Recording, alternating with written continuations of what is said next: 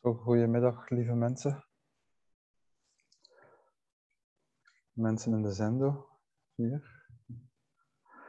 Mensen thuis.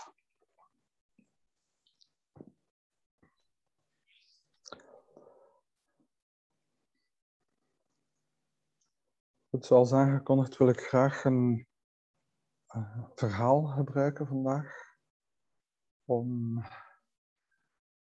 iets te instrueren rond uh, een vorm van meditatie die wij doen. Vorige week heb ik het verhaal gebruikt in onze Engelstalige koan retraite.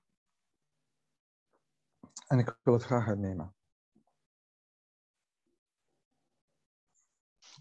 Ik ga beginnen met het voor te lezen. Het stond op Facebook gisteren.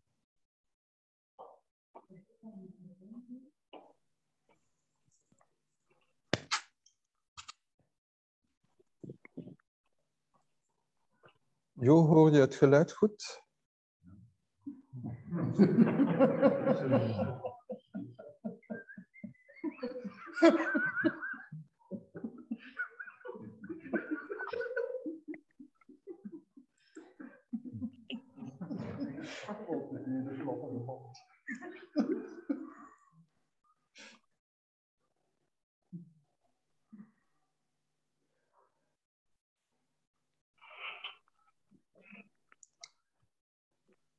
Shiono diende in een zenklooster en wou zazen doen.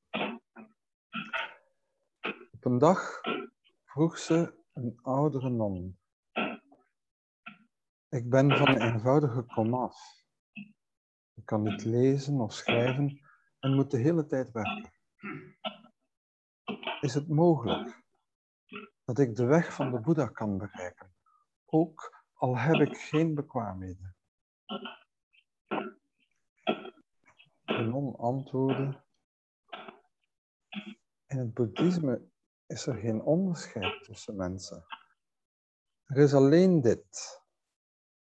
Elkeen moet vasthouden aan het verlangen om te ontwaken en een hart van groot mededogen cultiveren. Mensen zijn volkomen zoals ze zijn. Als je niet een misleidende gedachte vervalt, is er geen Boeddha en geen levend wezen. Er is slechts één volledige natuur. Als jij je ware natuur wil kennen, moet je je wenden naar de bron van je misleidende gedachten. Dit wordt zazen genoemd.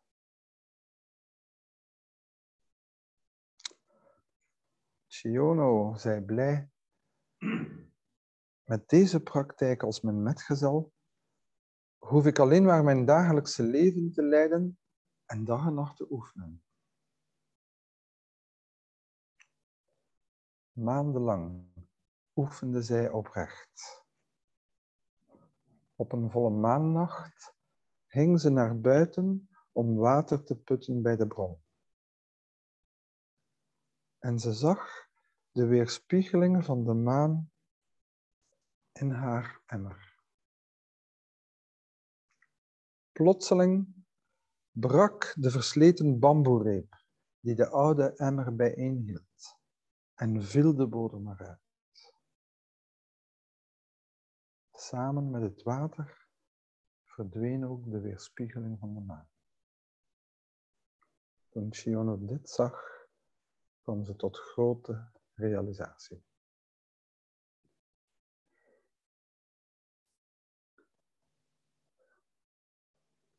Het verhaal zoals ik het voorlas, heb ik vertaald uit een recent boek, wat een hele reeks verhalen samenbrengt, die vertellen over vrouwelijke beoefenaars, over vrouwen in de boeddhistische traditie. Verhalen samengebracht als een soort koans in een bundel en die heet De Verborgen Lamp. De Hidden Lamp. De lamp is zo het symbool van het licht wat doorgegeven wordt en Er zijn verschillende koanverzamelingen die iets te maken hebben met de lamp, de transmissie van de lamp, of de transmissie van het licht. En hier hebben ze het genoemd de lamp die zo lang verborgen was, over de bijdrage van vrouwen. Wat een verhaal is, een verborgen verhaal, dat amper gekend is. En waar nu de laatste 30, 20, 30 jaar vanuit de stimulans van, vanuit het Westen van onze vrouwelijke beoefenaars veranderingen komt. Een zeer interessante evolutie. Dat er onderzoek komt naar dat vergeten, verzwegen deel. En dit verhaaltje komt uit die collectie. Het is te zeggen, dit verhaaltje is een vereenvoudigde weergave van een langer verhaal.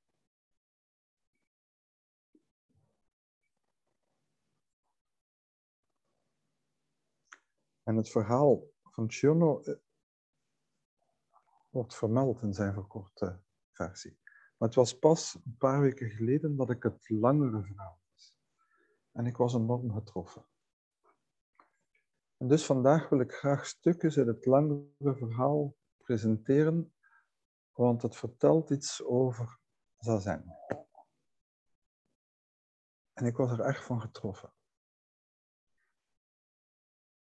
Hoe in het verhaal waarvan we denken, waarvan gedacht wordt, dat het eigenlijk een soort instructie was voor jonge novicen, voor jonge nonnen in het klooster, een instructie die diende om te inspireren.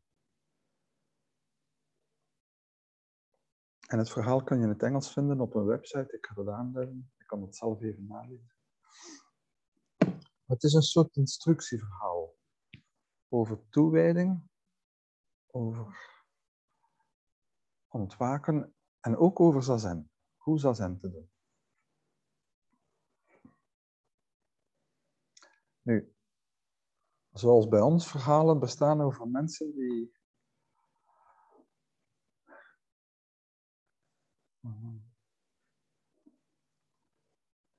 een, een diepe spirituele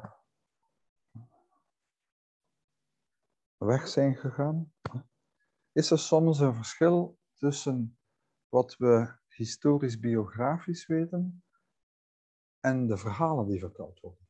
We kennen het verhaal van Franciscus, zijn fioretti, zijn bloemetjes. De verhalencyclus over Franciscus komt niet altijd overeen met wat we historisch aan bronnen terugvinden en die de figuren zijn cultureel-historische context plaatsen. Maar dat is niet zo erg op zich. Maar het is wel van belang dat we dat beseffen. Dus de Chionno die we in het verhaal ontmoeten, is een geschreven, een gemaakt beeld, geïnspireerd op een historische figuur. En daar wil ik graag iets over zeggen eerst. Want er is daar relatief, de laatste, de laatste twee decennia, relatief veel onderzoek naar gedaan. En dus we weten dat deze jonge vrouw Chiono heette met haar uh, voornaam, haar seculiere voornaam. En Chiono zou uit een familie van samurai komen en we kennen zelfs de naam van de vader. De familienaam is Adachi. Dus ze heette Adachi Chiono. In Japan komt de familienaam eerst en dan de voornaam. Zij leefde in de 13e eeuw, 1231, tot uh, het eind van de, van de 13e eeuw. Dus ze leefde in dezelfde tijd dat meester Dogen geleefd heeft in Japan. Meester Dogen had sterven in 53 en zij gaat tot eind jaren 90 van de 13e eeuw leven.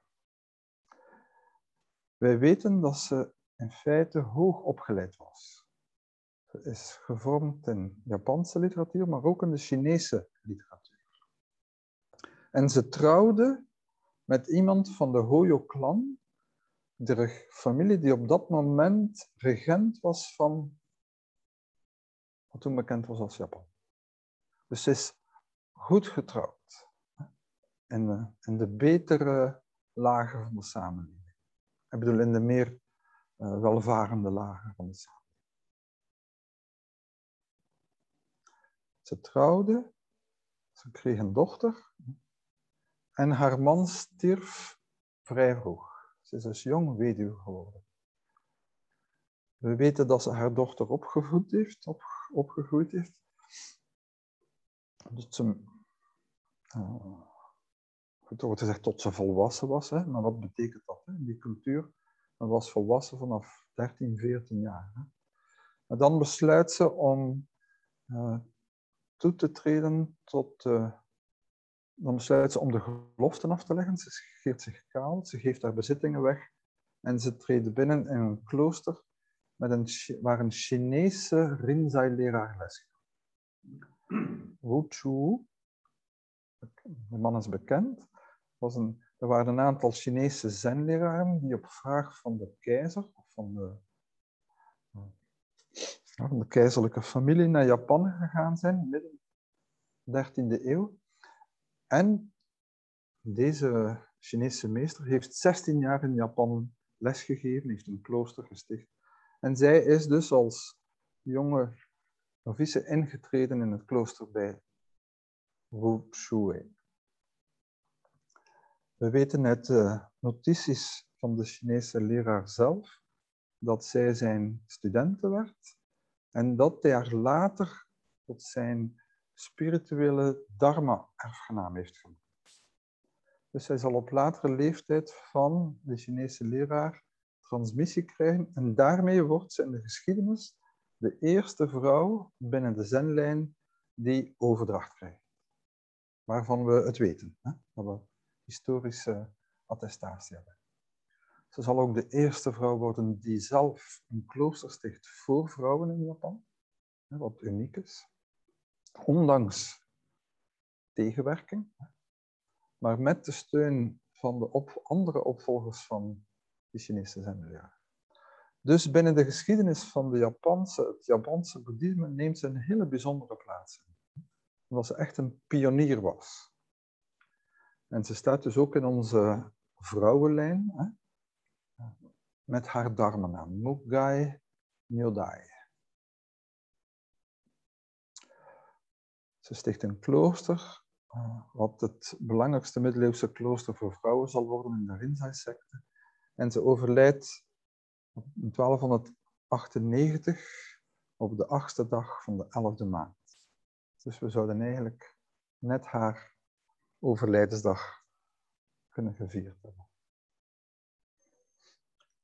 Ze is begraven in een tempel, dat ga ik nog bezoeken. En we weten dat ze actief was in het onderwijs voor kinderen van families, samurai-families in de omgeving. Dus hield zich bezig met onderricht van kinderen. Goed, dat is zo uh, een paar dingen over wie ze historisch was. De figuur die we tegenkomen in het verhaal is een beetje anders. Ik denk ook dat het een, een jonge vrouw die gaandeweg doorheen haar praktijk zichzelf bekrachtigt en tot een plaats van leiderschap en verantwoordelijkheid komt. Ik denk dat in die uitgesproken patriarchale cultuur van het middeleeuwse Japan, dat dat grote resonantie had. En zij is eigenlijk zo uitgegroeid tot een soort uh, aartsmoeder, zou dat kunnen zeggen waar, waar rond een aantal verhalen zijn ontstaan. En er zijn veel teksten en publicaties gepubliceerd doorheen de eeuwen met haar als, een beetje zoals, je zou het kunnen vergelijken met Franciscus, dat er zo'n hele, wat we noemen een hagiografie rondkomt. Hè? Een hagiografie. Dus het verhaal dat beschreven is, dat, we, dat ik ga vertellen, berust niet op historische feiten. Maar het vertelt ons dat Chiono intrad in een klooster als dienstbode, als dienstmeid.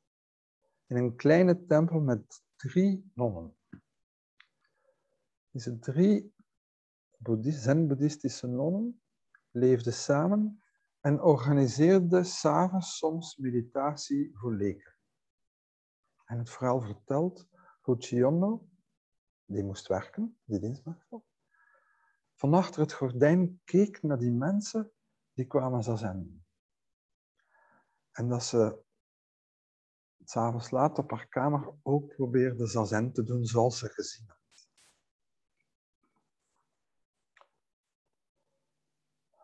Chionno observeerde de mensen die kwamen zazen doen en probeerde, hun, en probeerde hun meditatie in haar kamer na te bootsen.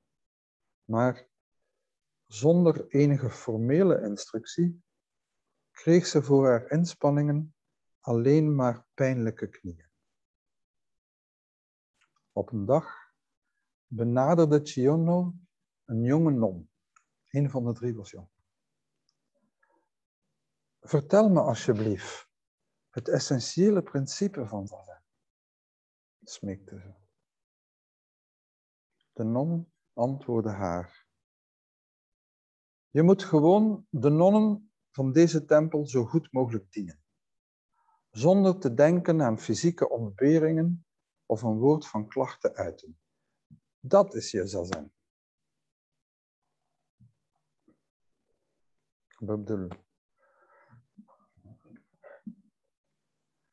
Soms hebben we het over de wijsheid des onderscheids, het vermogen om het juiste op het juiste moment, in de juiste context te zeggen aan de juiste persoon.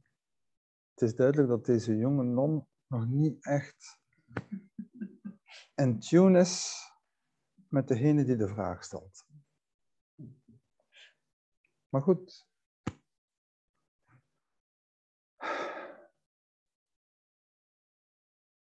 Macione laat het er niet bij. Een van de drie nonnen in het klooster was een oudere vrouw. Dat is ook interessant. Dat is het archetype van de oude vrouw. Zo die, in het verhaal is er een oudere vrouw, maar dat refereert natuurlijk aan de oude wijze vrouw in ons. Ook. In het klooster was er een oudere vrouw, die van nature zeer mededogend was. Op een dag kwam Chionne naar haar toe en zei, ik heb het verlangen om zazen te beoefenen maar ik ben van eenvoudige komaf. Ik kan niet lezen of schrijven. Ik ben niet echt verstandig. Als ik een oprecht voornemen heb, is het dan mogelijk dat ook ik de weg van de Boeddha bereik, ook al heb ik geen bekwaamheden. De oudere non antwoordde haar en zei: dit is prachtig, mijn beste. Ik vind het geweldig. Ik bedoel, wat is er nu fijner voor iemand die al lange tijd geleefd heeft, een, een keuze gemaakt heeft, een leven heeft geleid, zo, volgens haar keuze. En als ze dan oud is, dat iemand jong bij haar komt en die vraagt, ik wil doen wat jij gedaan hebt. Dit is prachtig. En Chiono, goed, zegt ze, ja, ik ben van eenvoudige komaf. Het is bijna een beetje een echo van de zesde patriarch. Dat denk ik, vermoedelijk is dat mijn opzet. De zesde patriarch, die wees was, zijn vader was dood, die arm was, die houtsprokkelaar was, dus het eenvoudigste beroep deed, die niet kon lezen, niet kon schrijven. En waarvan we weten, hè,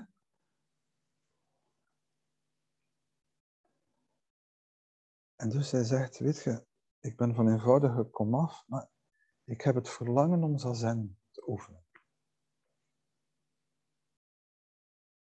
Ze heeft de mensen zo bezig gezien. Dat is echt intrigerend. Ze heeft zo de mensen bezig gezien en op basis daarvan voelt ze in zich zo het verlangen om dat ook te doen. Hé, wat is dat nu toch? Wat is dat nu toch? Als je dat nu objectief bekijkt, mijn dochter ook, zal zeggen, zo saai, daar alleen maar zo zitten. ik denk inderdaad voor de grote groep van mensen, als je dat zo met 17 mensen gezien en iets is haar wakker geworden. Ik heb het verlangen om zazen te doen. Ik kan niet lezen of schrijven. Ze heeft een idee. Ik ben niet zeer verstandig. Ik ben niet zo slim. Ik ben niet naar school geweest. Ik heb geen unief gedaan. Als ik een oprecht voornemen heb, is het mogelijk dat ook ik. Ze zegt, ze is slim, hè? Ze beseft al, zou het kunnen als ik het nu echt meen, als ik het echt voor, oprecht voornemen heb, zou ook ik de weg van de Boeddha kunnen bereiken. Ook al heb ik geen bekwaamheden. Dat is herkenbaar. Hè? hoe vaak gaan we onszelf niet over onszelf zeggen van ja, maar ik versta het niet, het is niet voor mij, ik ben niet goed genoeg, ik kan het niet. Hoe vaak heb ik dat niet gezegd? Hoe vaak hoor ik dat niet in de doksankamer? Ik heb geen tijd. Ik vind geen rust. Ik heb geen plekje thuis om te zitten. Zo, allerhande dingen. En de oudere non zegt, het is prachtig, mijn beste. Wat valt er eigenlijk te bereiken? In het boeddhisme zegt ze, is er geen onderscheid tussen een vrouw en een man. Tussen een leek en iemand die de wereld verzaakt. Een, non, die de wereld verzaakt. Er is in feite geen onderscheid tussen. Er is ook geen scheiding tussen hooggeboren en nederig. Tussen oud en jong. Er is geen scheiding tussen ons, zegt ze. Er is alleen dit. Elkeen moet vasthouden aan zijn of haar aspiratie en voortgaan op de weg van de bodhisattva. Je moet uw aspiratie, uw verlangen, dat, dat moeten volgen. Dat is wat elkeen van ons te doen heeft. Niet al die tegenstellingen van jong en oud, vrouw of man, slim of dom, hooggeboren, nederige afkomst. Elkeen moet zijn aspiratie erkennen en honoreren. Het is prachtig wat je doet. Ze zegt, je moet niet theoretiseren over de woorden of de onderrichtingen van de boeddha's en de meesters. Volgens de geschriften is het doel om zelf het boeddhaschap te bereiken. De leringen zeggen dat zazen betekent de boeddha zoeken in je eigen hart. Oorspronkelijk in China, de zenschool werd de boeddha-hartschool genoemd. De boeddha-hartschool.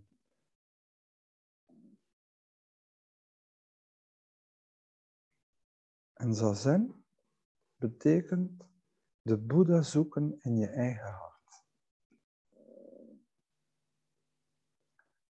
Als je je eigen hartgeest kent, welke leringen over de sutras heb je dan nodig? Bij het gaan van de weg moeten we alleen op ons eigen lichaam, op ons eigen zijn vertrouwen. Ze zegt dus, Weet je, je kunt niet lezen, maar het doet er in feite niet toe. Zazen is de Boeddha zoeken in je eigen hart. En als je je hartgeest kent, waarom zou je dan al die teksten willen hebben? Dit is vintage zen, hè? Niet te veel lezen, niet te veel theoretiseren, niet te veel conceptualiseren. Hè? Dat is allemaal oké. dat is voor de bibliotheek. Hè? Maar daar ligt het niet.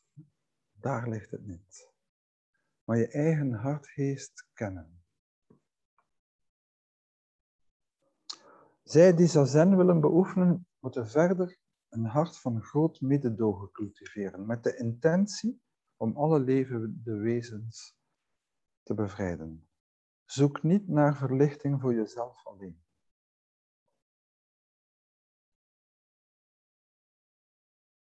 En dat wordt vaak verkeerd begrepen.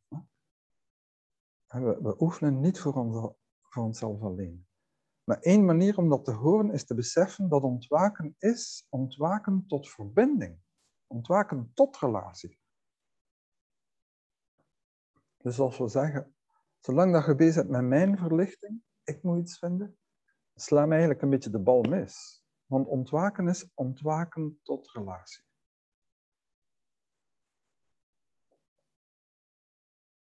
Dan heeft ze zo'n beetje instructie. Nu wordt het echt, eh, dit is allemaal heel mooi, maar nu wordt het heel precies. Dan voelt het, het is echt een instructietekst. Ga naar een rustige plaats. Ga in de lotushouding zitten. Leg je ene hand op de andere. Zonder naar één kant te leunen, breng je je oren op één lijn met je schouders. En dan zegt ze nog iets van je tong tegen je hemelte. Dan zegt ze, gooi je lichaam en je leven weg. Dat is al een vooraf aankondiging van wat er gaat gebeuren. En in de tekst wordt hier eigenlijk een uitdrukking geciteerd van Matsu. Matsu, die, meester Matsu, die dus een paar honderd jaar vroeger in China leefde, in de eind 8e eeuw. En die antwoordde op een vraag van een monnik die hem vroeg, wat is de wezenlijke betekenis van zen?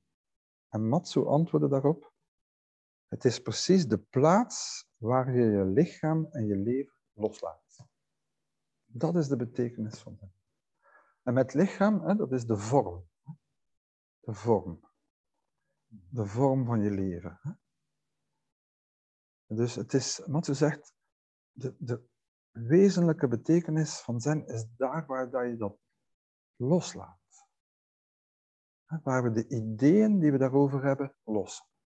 En meester Doren zal het een paar eeuwen later formuleren als letting go, dropping of body and mind. Van lichaam en geest. En het is niet zozeer dat je je lichaam moet laten halen, of je mentale capaciteit, maar dat je de scheiding tussen lichaam en geest laat volgen. Dat je de scheiding tussen je zijn en je leven laat volgen. We moeten dat goed verstaan. Hè? Hij vraagt niet dat we ons lichaam op de grond werpen. Of dat we ons mentale kwaliteiten moeten wegwerken. Dat vraagt hij niet. Maar die scheiding die we daartussen maken. En waar meester Matsu zegt, de scheiding tussen uw zijn en uw leven. Dat dat droppen. En dus de oude non zegt, gooi je lichaam en je leven weg. Gooi die split weg. Als je naar binnen kijkt, heb je geen geest. No mind. Mushin. Met geen geest bedoelen we niet geen geest, maar bedoelen we geen afgescheiden geest. Geen vaste geest. Maar een open geest. No mind. Mind of not knowing. Dus als je naar binnen kijkt, is er geen geest. Als je naar buiten kijkt, is er nergens een geest te vinden. Waar dat ook zoekt, gaat uw geest niet vinden. Als je naar binnen kijkt, is er geen gefixeerde geest. Als je onverwacht willekeurige gedachten bij je ziet opkomen, laat ze dan meteen weer gaan. Volg ze niet. Zo belangrijke instructie. Volg uw gedachten niet. Je ziet ze en je laat ze. Maar je gaat niet in op de inhouden van die gedachten. Want als je dat begint te doen, komen er associaties, commentaar, evaluaties, al die dingen en komt de volgende gedachte. En komen in die gedachte draad, hè? In, die, in die gedachteketting. Als we ze zien, laten we ze. Volg ze niet. De leraren uit het verleden, zegt de oude non, hebben gezegd dat mensen compleet zijn zoals ze zijn. Ieder van hen is volkomen. Alle voelende wezens, alle levende wezens, bezitten volledig de wijsheid en de deugden van de Boeddha. Maar omdat ze overmand zijn door misleidende gedachten en gehechtheden, kunnen zij dit niet manifesteren. Dat is een direct citaat hier. Vorige week kwam dat ook ter sprake uit de Avatamsattaka Sutta, waar de Boeddha zegt op het moment van zijn ontwaken, je ziet de morgenster en hij zegt, hoe wonderlijk, hoe wonderlijk. Alle levende wezens bezitten volledig de wijsheid en de deugd van de Tathagata. En Chiono heeft dat allemaal gehoord. En ze vraagt, ze zegt goed, hè, wat zijn dan misleidende gedachten? De non antwoordde, het feit dat je je vastklampt aan de gedachten die je voortbrengt, vergult je wezenlijke boedenatuur. Daarom spreken we van misleidende gedachten.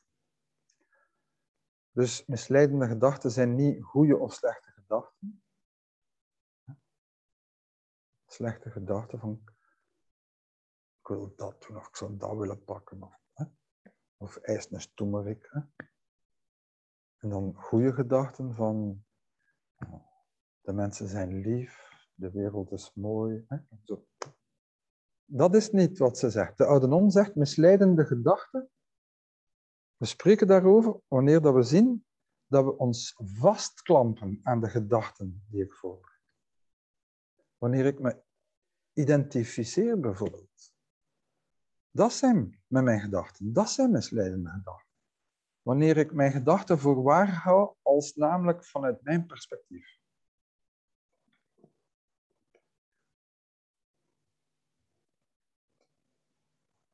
Daarom spreken we van misleidende gedachten.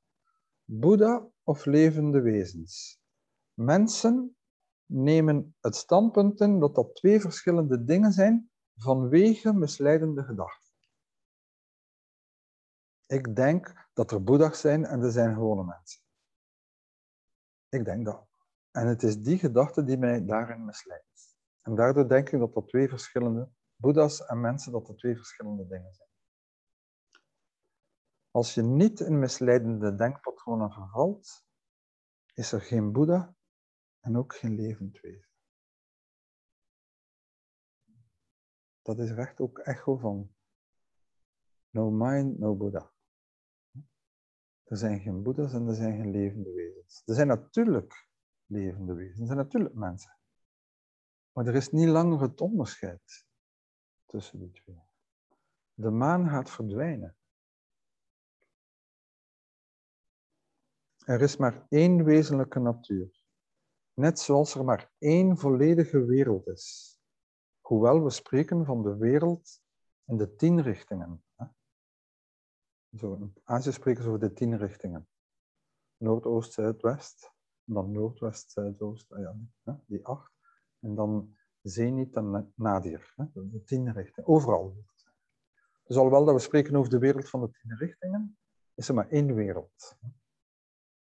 Net zo is er maar één natuur. En dan denk ik, komen we bij die hele behulpzame, zegt die oude non, behulpzame instructie. Als je werkelijk je ware aard wilt kennen, moet je je richten op de bron van misleidende gedachten. En die doordringen. Je moet je richten op daar waar gedachten van voortkomen. Wanneer je een geluid hoort, focus dan niet op datgene wat je hoort, maar keer in plaats daarvan terug naar de bron van je eigen gehoor. Als je op deze manier oefent met alle dingen, zul je zeker je ware aard verhelderen.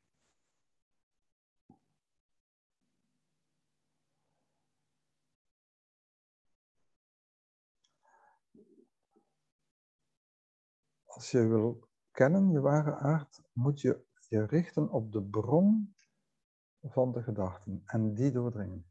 Waar komen onze gedachten vandaan? Waar komen onze gedachten vandaan? En ons daarop te richten. Niet zozeer op de inhoud van de gedachten waarmee ik me identificeer, maar ik richt me op die plek, die ruimte van waar die gedachten komen. Naar de bron. Wat is de bron van onze geest? De bron van onze geest, zegt de Chinese zenmeester, is het grote gewaarzijn van zijn als is. Het gewaarzijn van zijn als is. Wanneer dat we gewoon gewaar zijn van zijn, zoals het is. Zo. En Chiono vroeg toen, wat is de geest die de bron der dingen doordringt, doorgrondt? De non antwoordde, de vraag die jij nu juist gesteld hebt, dat is een voorbeeld van jouw denken. Ga naar de ruimte waarin die gedachte nog niet is opgekomen.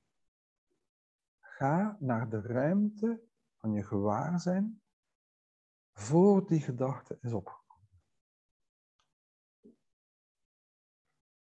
Shikantala.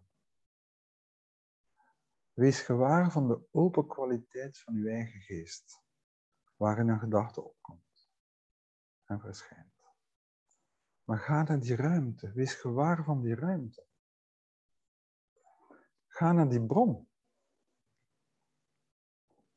Want ze is vlakbij.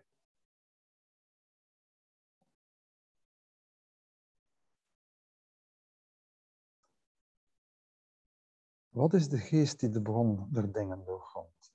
De vraag, deze vraag die jij nu me juist stelt, dat is een voorbeeld van jouw denken. Ga naar de ruimte waarin die gedachte nog niet is opgekomen. Bemoedig jezelf. Volg ook niet maar het minste spoor van denken. Dit noemen we het peilen van de bron. Echt ontzettend belangrijk. Wat is de bron? Wat is de bron? De vraag. Wat is de bron? We kunnen ons alleen maar voor openen. We kunnen die bron niet vatten. We kunnen die bron niet nemen. We kunnen ze zelfs niet kennen. Maar we kunnen ze wel ervaren. We kunnen ze peilen. Ze is pijloos diep. Ze is grenzeloos wijd. Ga naar die open ruimte.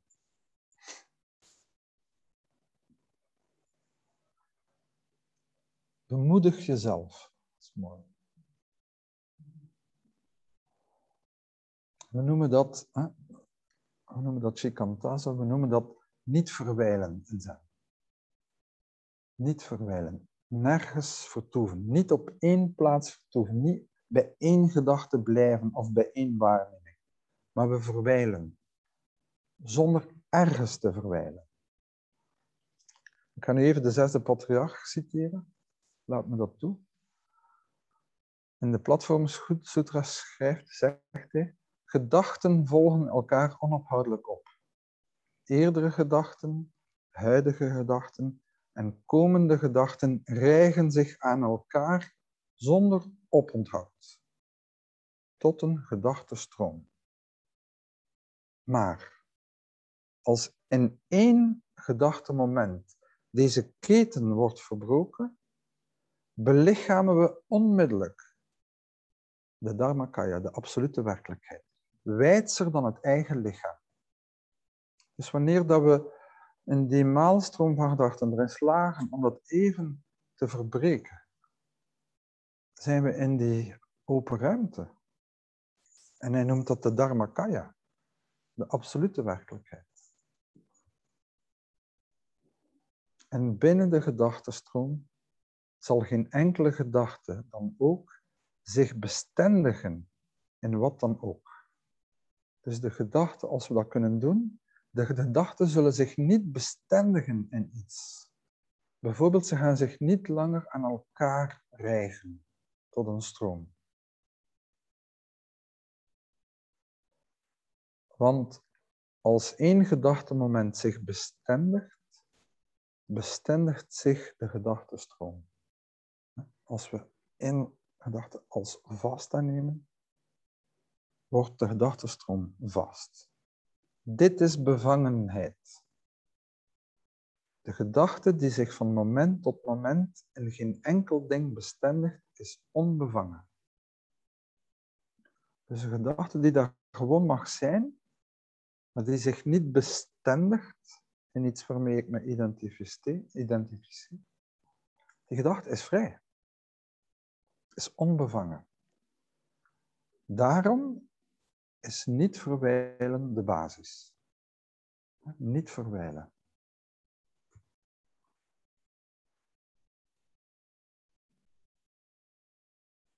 En Matsu gaat zeggen, de eerdere gedachte, de huidige gedachte en de komende gedachte. Hij, hij parafraseert dus uit de. De opeenvolgende gedachtenmomenten wachten elkaar niet op. Elk opeenvolgend gedachtemoment is stil en niet meer werkzaam. De gedachte is stil. Ze is er, maar ze is stil. Ze maakt geen andere gedachte.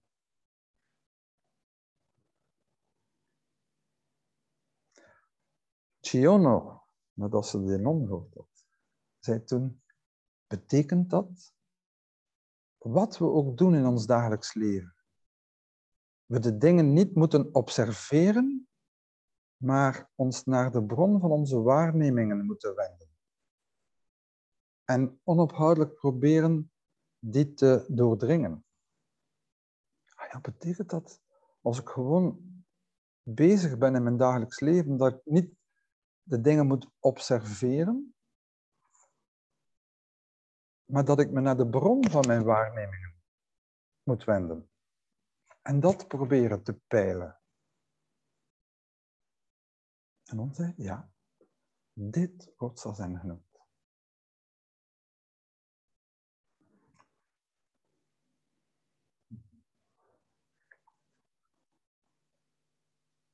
Is dat te volgen, lieve mensen?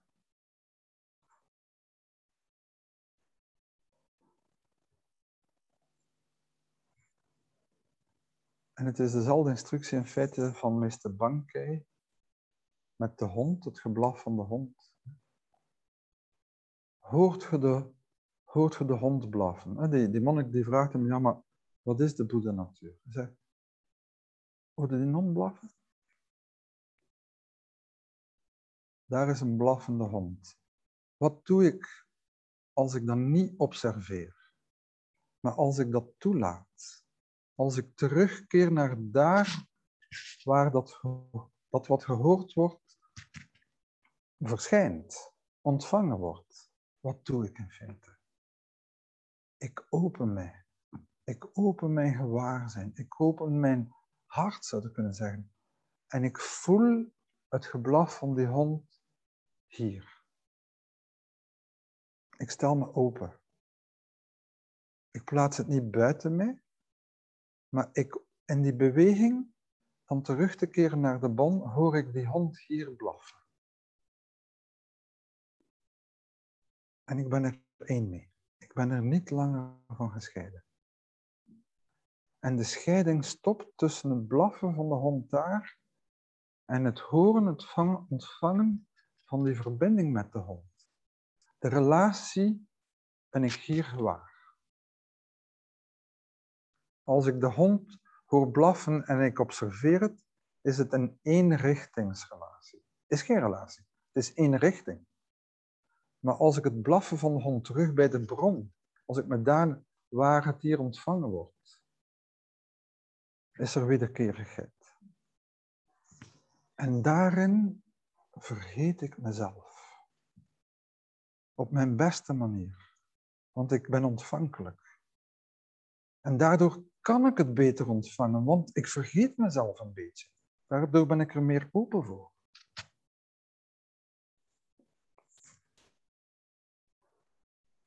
Als we werkelijk naar iemand luisteren, dan luisteren we niet met ons horen, met ons oren zeggen we, maar we luisteren met ons hart. Zo simpel is het. Dat is het. En op die manier vinden we de Boeddha-natuur in ons hart.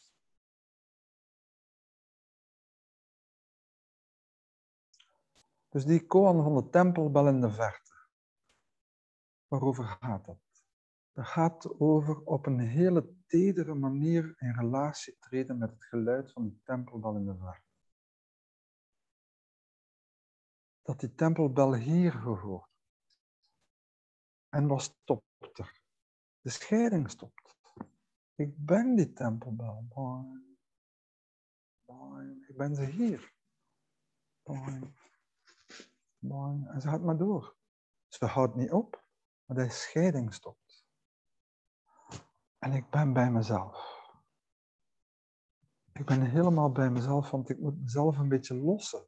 Ik moet mijn lichaam en mijn leven een beetje lossen om open te zijn dat het verkandig is in leven. Ik moet mijn zelfbevangenheid.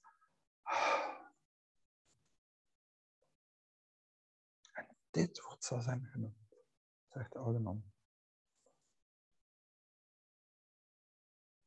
Chiono zei, wat ik gehoord heb, brengt mij grote vreugde. Het is voor mij niet mogelijk om dag en nacht zazen te beoefenen, omdat ik altijd hout moet halen en water moet dragen en mijn taken zijn talrijk. Maar als het is, zoals gezegd, is er niets dat onmogelijk is om te doen in de twaalf uur van de dag. De Japanners zeiden dat de twaalf uur, die hadden niet 24, die hadden 12 uur. Dat was een beetje anders. Als dat inderdaad waar is, kan ik dat in feite oefenen, Hans de dag door. Als ik de bron van mijn waarnemingen zowel rechts als links van mij ontmoet, als het rondom mij, al naar gelang de tijd en de omstandigheden, hoe zou ik dan mijn plichten kunnen verzaken? Als het altijd aanwezig is rondom mij. Met deze praktijk als mijn metgezel hoef ik alleen maar mijn dagelijks leven te leiden. Met deze praktijk ik, toen ik dat las, dacht ik, ja, dat is onze jikiji. Dat is wat we doen, onze onmiddellijke oefening. We leven ons leven, leven en nu en dan verbind ik me met die open ruimte. Van gewaarzijn. Die daar is. En dus nu en dan word ik per dag uitgenodigd om even zo de scheiding tussen mijn zijn en mijn leven te lossen. Met deze praktijk als mijn metgezel hoef ik alleen maar mijn dagelijks leven te leiden. Zie je die non die in een klooster leeft, die verzaakt aan de wereld, zegt hij tegen een jonge lekenvrouw. Ze zegt in feite, je kunt perfect oefenen. Het hangt er niet vanaf dat je naar een klooster komt of niet.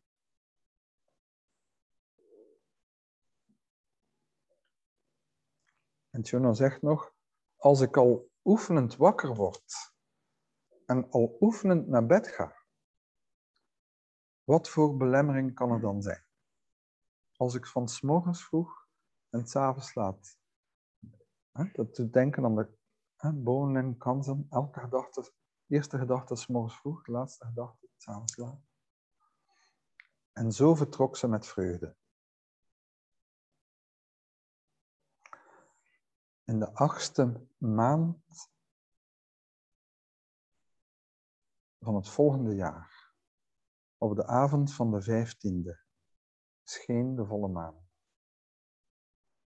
Profiterend van de wolkeloze hemel, van de wolkeloze nachtelijke hemel, ging Chiono water putten bij de bron. Op de weg terug zag ze de weerspiegeling van de maan in het water. Terwijl ze keek, bezweek plotseling de versleten bamboereep die de emmer samenhield en viel de bodem uit haar emmer en verdween de weerspiegeling van de maan met het water. Prachtig beeld. Hè? Moet dan maar opzoeken. Zo Japanse emmers van vroeger. Dat is gemaakt uit bamboe, latten. En die worden samengehouden hè? met bamboerepen. Hè? En ze heeft water geput en ze ziet de weerspiegeling van de maan in het water. Waarvan Mr. Dogen zegt, verlichting is zoals de maan weerspiegeld wordt in het water. In het water van mijn zijn. Spiegelt mijn Boeddha-natuur het. En zij oefent.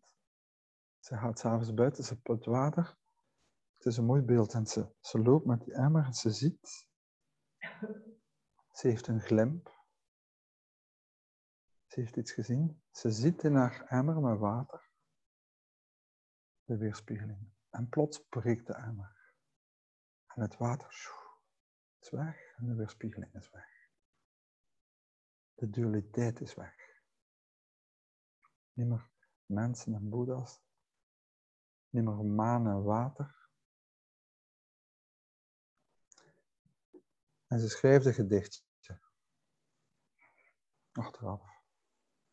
Ze schrijft en het gedicht is bewaard. We hebben maar, er zijn een paar teksten, handgeschreven teksten van haar die bewaard zijn, maar er zijn maar twee leerteksten, twee gedichten zijn van haar bewaard in haar handschrift. En het ene is haar verlichtingsgedicht. Het was een traditie om een klein gedicht te schrijven. En ze schrijft, op deze en op die manier probeerde ik de oude emmer samen te houden. Tot uiteindelijk de bodem eruit viel. Geen water meer in de emmer. Geen maan meer in het water. Zo lang heb ik geprobeerd om de bult samen mijn leven. Wat ga ik doen? Wie ben ik? Een lening, een lief. Zo, probeer de bult samen te houden. Zo lang, op die manier en op die manier heb ik geprobeerd om het water te kunnen doen. En waarom doen we dat? Ook. Waarom? Omdat we aanvoelen dat het moment gaat komen dat het sowieso uit elkaar vallen.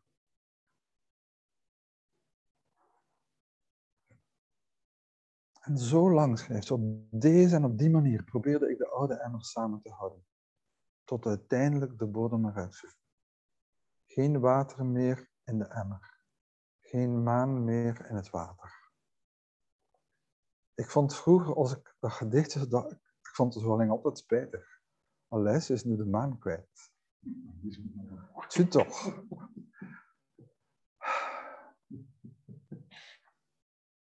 Maar het punt is natuurlijk dat ze de maan niet langer meer vast hoeft te houden.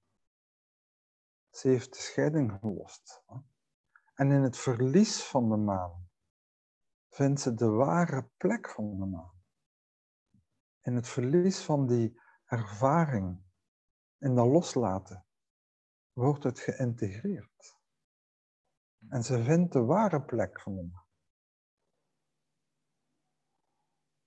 Ze ziet, weet je, en dat is zo, zo bekend bij Joshua ook. Hè? Die Joshua, die monnik, die komt en zegt, ja, ik ben, ben juist gearriveerd in het klooster. Ik zou, ik zou graag instructie hebben. En, en Joshua vraagt, heb je al ontbeten? Ah, ja, zegt de monnik. Maar wel doe je een afwas was uw kommen afstaan. Hè? Was uw kommen. En ook vroeg dacht ik, ja, dat is natuurlijk weer, zo de, je moet je dingen doen, hè? je eet dus was je af en je moet dan met aandacht doen en al die dingen. Zo, hè? Het is pas later dat er iets begon te dagen. Joshua vraagt, heb hij pap gegeten, heb hij croissants gegeten voor ontbijt? Hè? Is uw kom vuil? Maar hij vraagt dat niet. Hè? Hij vraagt instructie, heb je al ervaring? Heb je al iets ervaren? Zijt je al gevoed geweest? En de monnik zegt, ja. Ik heb iets gezien, ik heb iets gezien. En wel, zegt Joshua, laat het gaan. Was het af. Hou niet vast. Ook niet aan de ervaring. Ook niet aan de weerspiegeling van de maan. Laat het gaan. En het is dat dat Jonah zien. Het is ook leeg. Ook dat mag ik niet tot een ding maken. Anders verhinder ik de vloeizaamheid. Als ik het water absoluut wil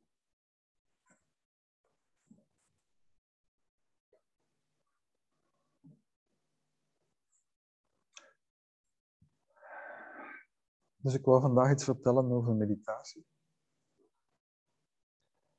Lieve mensen, ik zou echt willen vragen van probeer dat. Probeer dat. Probeer echt die oefening zo van iets dat je hoort, iets dat je ziet. En vooral met horen werkt het goed, hè? omdat dat zo vormloos is. Hè? Maar dat geldt evenzeer met iets dat je ziet. Ik herinner me, ik liep dus lang geleden naar de Zendo in Brugge. En toen moest ik altijd van het station wandelen naar de Jan Breidelstraat. En dan nam ik de korte weg van het station langs de vesten, langs het water, zo, dat is zo mooi water. Dat is zo'n beetje een duister pad tot aan de poort, hè, tot aan de ezelspoort. En dat is mooi parkje zo langs, langs dat water, zo, maar duister. En ik herinner me op een, op een avond, uh, het was op dinsdagavond, het was in de herfst. Nee, het was donker, het was niet in de herfst. Het was absoluut niet in de herfst. Het was in de lente, maar het was donker, dat is dat ik wil zeggen. En ik loop zo langs die vesten, het was weinig verlicht. En plots voor mij zie ik een bloeiende kerselaar. Maar in het duister. Maar in het duister was het wit van die kersenbloesem zo stil lumineus. Ik weet niet, het was, zo, het was niet stralend wit, want het was al duister. Maar het werd alsof het wit zo in het duister een andere een soort fluo-kwaliteit kreeg. En ik weet dat dat beeld, dat visuele beeld, echt zo daar kwam. Vanzelf zo. Het drong zich daar. En dat was echt, ah ja. Zo, daar net te wenden, daar waar het ontvangen was. En dus als we horen, als we zien, maar ook als er een gedachte oprijst in ons bewustzijn, van die gedachte zo te zien en terug te keren van terug naar die ruimte waaruit ze oprijst. Om daar u mee te verbinden. En dat zo opnieuw te doen. En dan zullen we merken, om dat te doen, moeten we iets lossen. We moeten ons openen, we moeten ons ontspannen om dat te doen. We moeten een beetje zelfloos worden om dat te doen. En dan wordt onze zazen iets van gemak en vreugde, zoals meester Dogen zegt.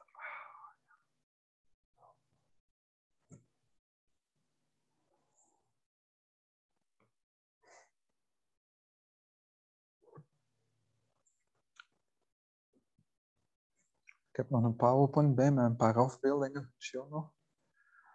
Maar ik kan hem jullie niet laten zien.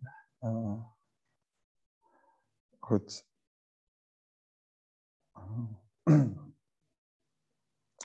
Zeer merkwaardig. Uh, dus het, het kent een mooi vervolg ook. Hè? Dus ze heeft die ervaring en in de tekst gaat dat kunnen lezen. Na haar ervaring gaat ze terug naar de oude vrouw, naar de oude non.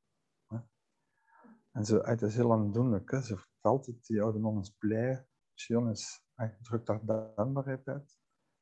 En in die richting nogal persoonlijk zo op die oude vrouw. En die oude vrouw zegt, weet je, het is niet, het is niet, het is niet te kick op, meneer. Je moet nu gaan trainen met, ga naar het klooster van de Chinese leraar. En ze, ze heel aandoenlijk. En dus op dat moment gaat ze dan in het klooster en ze wordt dan de studenten van die Chinese zijn leraar. Ze krijgt dan de overdracht. En we weten, er, is, er wordt een beeld bewaard van haar, een groot beeld, een houten beeld, een gesneden beeld. Heel realistisch, van het eind van, tijdens gemaakt tijdens haar leven, als ze in de 70 was. En ze toont zo die figuur van Mugai. Hè? En je ziet dat er, het is een ja, sterke, sterke vrouw, zoals En dus op, uh, ik ga de link bij de tekst zetten. Als je daarop klikt, komt je op een Hongaarse website in het Engels, die ontzettend veel informatie heeft over zen. En vooral veel teksten, vertaalde teksten samenbrengen. En daar hadden we dat verhaal vinden van Tjono. Uh, verteld door Anne Dutton, hè? ik zal het erbij zetten. En daar staan ook foto's van die beelden. Dat beeld het, uh, dat gemaakt is tijdens het leven van Chiono, van Mugai Nyodai. Dan ook een beeld dat in de 16e eeuw van haar gemaakt is. Dan ook die houtgravure die op de Facebook stond. Die, die, hout, die gekleurde houtsneden van haar. En ook meester Haakwen heeft een kleine tekening gemaakt van uh, een gedichtje ook hè, op, op dat verhaal van de bodem die uit de emmer had.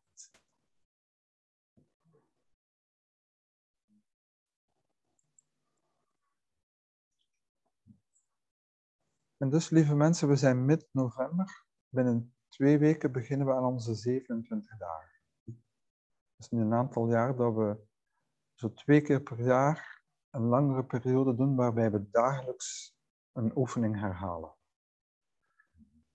Traditioneel doen we voor nieuwjaar elke dag, 27 dagen lang, een half uur zazen. Dat is wat we tot nu toe telkens gedaan hebben. Maar dit jaar wil ik het graag veranderen. Dus ik zou willen vragen dat we 27 jaar, dagen lang Jikiji beoefenen. Dus de onmiddellijke praktijk. Dus in de loop van de dag, zonder dat we op ons kussen gaan zitten, als er een moment is, als ik er even aan denk, dat ik zo voor een paar ogenblikken gewoon terugkeer naar de bron van waar de gedachte of de waarneming oprijst. In onze vocabulaire betekent dat dat ik terugkeer naar de ruimte, de vormloze ruimte van gewaarzijn van de geest. Even. En dan loslaten. Dus dat is mijn vraag. Om het jaar op een goede manier te eindigen, dat we 27 dagen lang de Hanse zanger, iedereen die wil meedoen, deze oefening doet. Zoals Chiono geïnstrueerd wordt, hè? of zoals wij de instructie geven van zo ongoing te oefenen. Dus een paar jaar geleden, toen ik aan Gana Roshi vertel, vertelde over Jikiji, want Jikiji dat is een term die niet bestaat, dat is iets dat ik bedacht heb. Dat is geen, als je dat opzoekt, ga je dat niet vinden. Maar dat is de naam die, die ik gebruik voor, dat is de onmiddellijke oefening. Jiki wil zeggen onmiddellijk. Dat is mijn naam ook, hè. Jikikan, dat is mijn naam mijn dharma-naam. Ji wil zeggen notie, concept, begrip, hè? onmiddellijk begrip. Onmiddellijke oefening zou zijn Jiki Gyo. Gyo is praktijk, oefening. Maar Jiki Ji zegt goed. Hè? Daarom. het klinkt heel Japans. Hè? Maar het is geen Japans. Het is samengesteld van twee Japanse termen die bestaan. Maar de beschrijving van de oefening vinden we hier en daar, en zoals bij Chono. En toen ik een aantal jaar geleden daar met Genno over sprak, dat we dat zo doen, en zei ze, ja maar, dat is wat ik in altijd doe. Terugkeren naar de natuur van de geest. De natuur van de geest die open en leeg is, en die gewaar zijn is. Die gewaar is. De natuur van de geest is gewaar zonder dat ik de moeite moet doen. Gewaar zijn is gegeven en ons daarmee te verbinden. Hè? En drie, het is werkzaam. Dat is het. Hè? Wanneer dat we daar zijn, dat is een ruimte van, van verbinding, van tederheid ook. Hè? Mededogen ontstaat daar. Hè? Het is werkzaam. Dus we gaan dat van aankondigen vanaf 1 december. En we weten nu of je nu rijk bent of arm bent, of je nu jong bent of oud, het doet er niet toe. Of je nu veel tijd hebt of geen tijd hebt, of je weet dat, dat is heel vertrouwelijk. Of je nu slim bent of dom bent, het doet er niet toe. Je kunt het sowieso oefenen, want het heeft daar allemaal niets mee te maken. Fundamenteel heeft het te maken met vertrouwen. Vertrouw ik het? Vertrouw ik dat mijn geest zo wijd is? Het heeft te maken met vertrouwen en het heeft te maken met bereidheid. Ben ik bereid? Om die stap te zetten. Zo. Naar die ruimte te gaan van mysterie.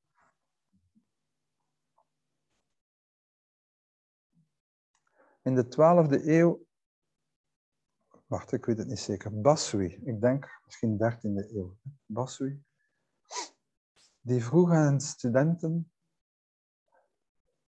wie hoort het geluid? Als je een geluid hoort, vraag je af, wie hoort het? Wie hoort het geluid? Wie denkt de gedachte? Als we daar echt naartoe gaan, is dezelfde vraag. Wie is het? Waar is het? Dan komen we uit bij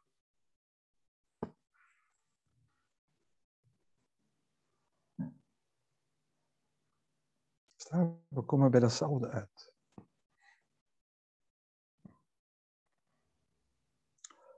Lieve mensen. Het is zaterdagmiddag en alles is rustig. Dank u wel voor jullie aandacht. Lieve mensen thuis. Uh, lieve mensen in de zendo. Wij zijn in een echt gelukkige situatie dat we dit kunnen doen. Deze week op het eh, Festival van de Vrede hadden we een interreligieuze, interlevensbeschouwelijke samenkomst. En we hoorden de verhalen van iemand die uit Syrië was gekomen, die nu hier woont. Eh, van iemand die als 16-jarige in de oorlog in Kosovo was en die naar hier is gekomen. We hoorden het verhaal van een jonge Palestijnse advocaat die nu uh, die heel, heel blij was dat hij hier, hè, omdat een van de getuigen zei, jullie weten niet hoe goed dat, het is er vrede. Besef je wat dat wil zeggen? Dat er geen geweld is. Dat je niet Ik wil maar zeggen, deze week dacht ik, ja, wij hebben echt geluk. Hè? Zelfs met onze maskertjes en zo. Maar toch, hè, we zijn in een goede omstandigheid om om te oefenen.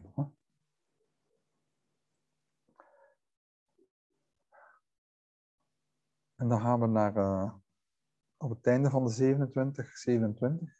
Dat is de eerste dag van Katzand. En dan in Katzand, de eerste avond, gaan we dan die periode van 27, 27 afsluiten. Bij de luisterkring. En dan gaan we daar onze nieuwjaarsgetreiten doen. Zo, lieve mensen, dank u wel. Uh, het spijt me dat vooral van Tjonen is zo lang. Het, heeft een beetje, het is een beetje over tijd gegaan. Uh, um.